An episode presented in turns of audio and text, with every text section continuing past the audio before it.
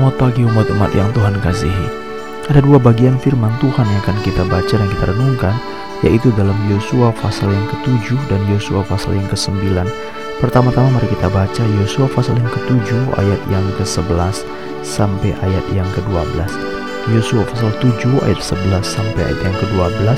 Lalu kita akan membaca pada Yosua pasal yang ke-9 ayat yang 14 dan 15. Yosua pasal 7 ayat 11 dan 12 demikianlah firman Tuhan. Orang Israel telah berbuat dosa. Mereka melanggar perjanjianku yang kuperintahkan kepada mereka. Mereka mengambil sesuatu dari barang-barang yang dikhususkan itu. Mereka mencurinya, mereka menyembunyikannya, dan mereka menaruhnya di antara barang-barangnya. Sebab itu, orang Israel tidak dapat bertahan menghadapi musuhnya.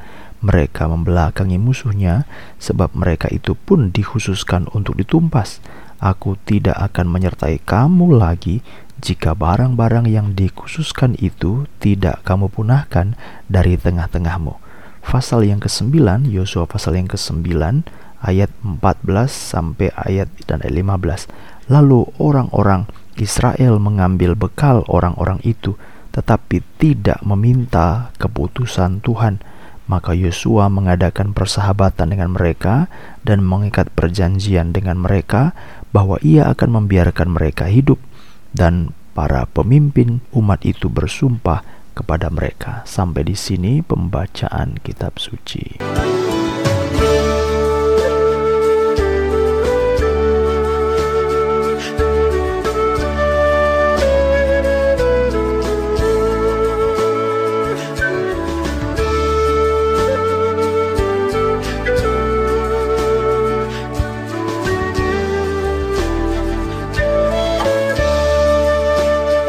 Umat-umat yang dikasih Tuhan, kemarin kita sudah membicarakan rangkaian kemenangan-kemenangan yang diperoleh bangsa ini.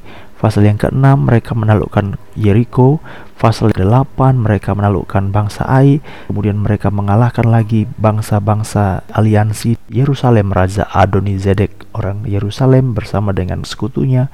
Kemudian raja-raja di bagian utara, Yabin dan seterusnya itu semua adalah menunjukkan kemenangan-kemenangan, penaklukan-penaklukan. Tetapi dari antara penaklukan ini, kitab Yosua mencatat ada dua peristiwa yang dicatat sebagai satu kelemahan atau celah atau satu kekurangan yang mengakibatkan bangsa ini mengalami kekalahan. Adalah pada waktu mereka mengalami kekalahan terhadap bangsa Ai. Itu karena peristiwa yang terjadi dalam pasal yang ke-8 yang bisa kita baca. Dan kemudian sebelum peperangan dengan Adonizedek Raja Yerusalem pasal yang ke-10 di situ adanya orang Gibeon.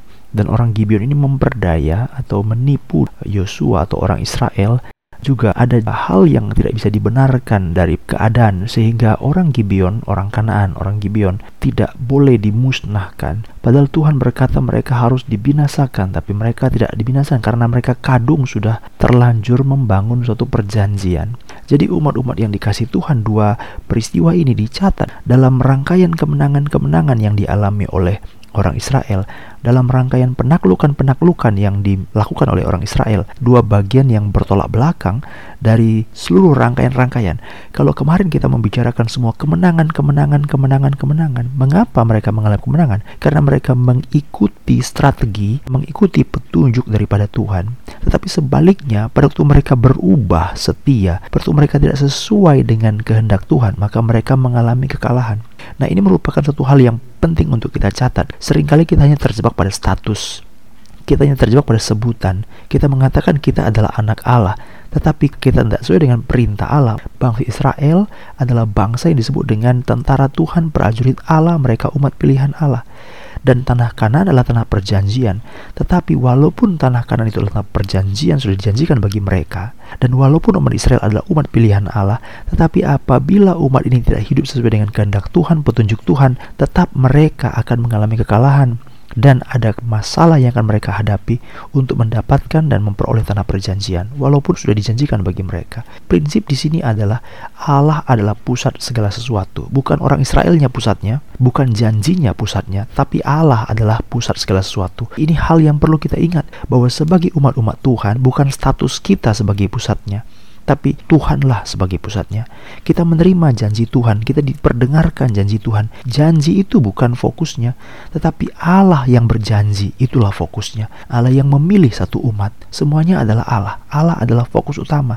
Demikian pula pada waktu rangkaian kemenangan-kemenangan, penaklukan-penaklukan yang dilakukan oleh Yosua bersama dengan bangsa Israel, tetapi pada waktu mereka berubah setia, Pasal yang ketujuh itu menceritakan mereka berubah setia dalam pasal yang ketujuh ayat satu. Tetapi orang Israel berubah setia dengan mengambil barang-barang yang dikhususkan itu. Pada waktu mereka menaklukkan kota Yeriko, Tuhan sudah berkata, semua penduduk mereka harus dibinasakan. Kemudian kota itu harus dihancurkan. Kemudian jangan ada barang-barang yang diambil untuk kepentingan manusia, untuk kepentingan sendiri, untuk harta kamu seperti jarahanmu. Tidak boleh. Tetapi ada orang yang bernama Akan bin Karmi bin Zabdi bin Zerah dari suku Yehuda mengambil sesuatu dari barang-barang yang dihususkan itu. Jadi mereka berubah setia. Ini sesuatu yang sedikit berbeda. Orang Israel tidak tahu kalau ada orang yang mengambil tidak sesuai dengan perintah Tuhan. Orang Israel tidak tahu. Itu sebabnya dalam pasal yang ke-8 mereka menyerang bangsa Ai, mereka kalah. Tuhan memberitahu orang Israel telah berbuat dosa, mereka melanggar perjanjianku yang kuperintahkan kepada mereka. Saudara dikasih Tuhan jangan pernah membiarkan atau lupa fokus beralih sasaran sehingga kita hanya bangga dengan status saya anak Allah, saya anak Tuhan. Kita lupa Tuhanlah yang memberikan janji itu. Lihat, jangan lupa firman Tuhan. Tuhan adalah fokusnya. Dan Yosua begitu berduka cita dengan hal ini. Dan akhirnya akan dihukum. Pasal yang ketujuh ayat 25. Berkatalah Yosua, seperti engkau mencelakakan kami, maka Tuhan pun mencelakakan engkau pada hari ini. Lalu seluruh Israel melontari dia dengan batu, semuanya itu dibakar dengan api dan dilempari dengan batu ayat 26 pasal yang ketujuh. Sesudah itu didirikanlah di atasnya suatu timbunan batu yang besar yang masih ada sampai sekarang. Lalu surutlah murka Tuhan yang menyala-nyala itu. Oleh sebab itu nama tempat itu sampai sekarang disebutkan lembah Akor atau ada yang namanya berkaitan juga dengan Akan atau di sanalah lembah Akor atau Akan yang mengingatkan mereka tentang kekalahan karena mereka berubah setia kepada Tuhan. Ini adalah satu kasus yang sepertinya tersembunyi ya. Kenapa tersembunyi? Karena orang Israel tidak tahu. Mereka tiba-tiba waktu mau berperang, mereka udah siap. Loh, mereka kalah. Itu secara tersembunyi, orang tidak tahu. Tapi bagaimana dengan pasal yang ke-9? Ini adalah kisah yang kedua yang menunjukkan juga celah pada waktu bangsa Israel tidak sesuai dengan firman Allah yaitu Tuhan sudah mengatakan bahwa semua penduduk kanan itu harus engkau binasakan. Jangan ada yang engkau biarkan hidup karena mereka itu akan menjadi sesuatu duri atau menjadi suatu pengaruh yang akan membawa kamu berbalik daripada Allah. Tetapi apa yang terjadi saudara? Pasal yang ke-9 ini terbuka sekali karena ternyata ada kelompok Gibeon dalam pasal 9. Bergabunglah mereka dengan sekata seia untuk memerangi Yosua dan orang Israel. Tetapi ayat yang ketiga, ketika didengar kepada penduduk negeri Gibeon apa yang dilakukan Yosua terhadap Yeriko pasal yang ke-6 dan Ai pasal yang ke-8 maka mereka pun bertindak dengan memakai akal, yaitu bagaimana? Mereka pergi menyediakan bekal, ambil karung yang buruk-buruk untuk dimuatkan atas keledai mereka, kirbat anggur yang buruk-buruk dan yang robek yang dijahit kembali, dan kasut yang buruk-buruk ditambal untuk dikenakan pada kaki mereka, pakaian yang buruk-buruk untuk dikenakan mereka, sedang segala roti bekal mereka telah kering, tinggal remah-remah belaka, seolah-olah mereka itu sudah kumal lusuh ya. Demikianlah mereka pergi kepada Yosua di tempat perkemahan di Gilgal, lalu berkatalah mereka kepada orang-orang Israel itu, kami ini datang dari negeri yang jauh, maka sekarang ikatlah perjanjian dengan kami. Mereka itu ingin tampil sebagai orang yang sudah mengembara jauh, barang-barang mereka sudah usang, dan kemudian kasih tahu kami dulu dari jauh lihat loh ini roti kami ini dulu masih masih bagus tapi sekarang saking jauhnya itu sekarang sampai kering loh. Pakaian kami dulu waktu jalan itu masih bagus tapi karena jauhnya perjalanan sampai robek sampai susah lusuh sendal kami kasut kami dan seterusnya semua telah buruk. Ayat 13 inilah kirbat-kirbat anggur kami masih baru ketika kami isi. Tapi sekarang lihatlah telah robek. Inilah pakaian dan kasut kami semuanya telah buruk-buruk karena perjalanan sangat jauh Lalu orang Israel mengambil bekal orang-orang itu, tetapi tidak meminta keputusan Tuhan. Secara terbuka di depan umum orang Gibeon itu datang.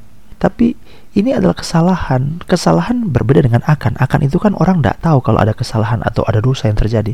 Tapi ini jelas-jelas satu suku bangsa itu datang kepada Yosua dan orang Israel. Adakanlah, ikatlah perjanjian dengan kami.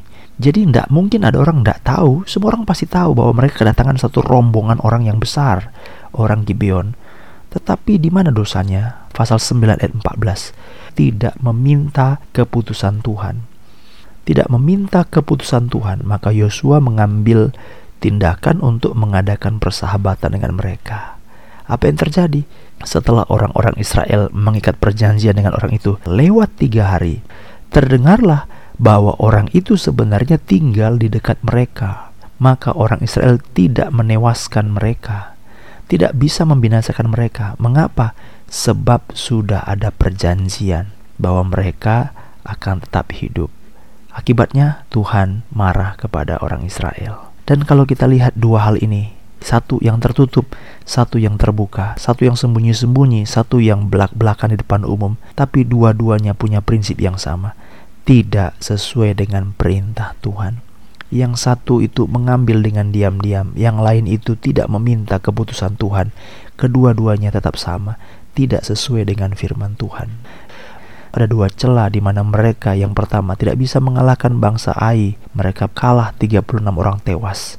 Dan kemudian kenapa mereka tidak bisa menghancurkan orang Gibeon? Karena sudah kadung ikat perjanjian. Dua-duanya adalah karena mereka tidak sesuai dengan perintah Tuhan bahkan tidak meminta keputusan Tuhan.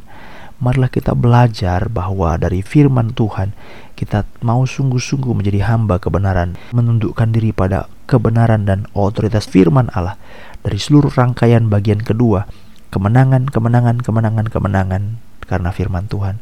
Kekalahan pasal yang ketujuh, kekalahan pasal yang kesembilan karena mereka tidak sesuai dengan firman Tuhan. Dia yang menguduskan, dia juga yang memampukan. Terpujilah nama Tuhan. Mari sama-sama kita berdoa.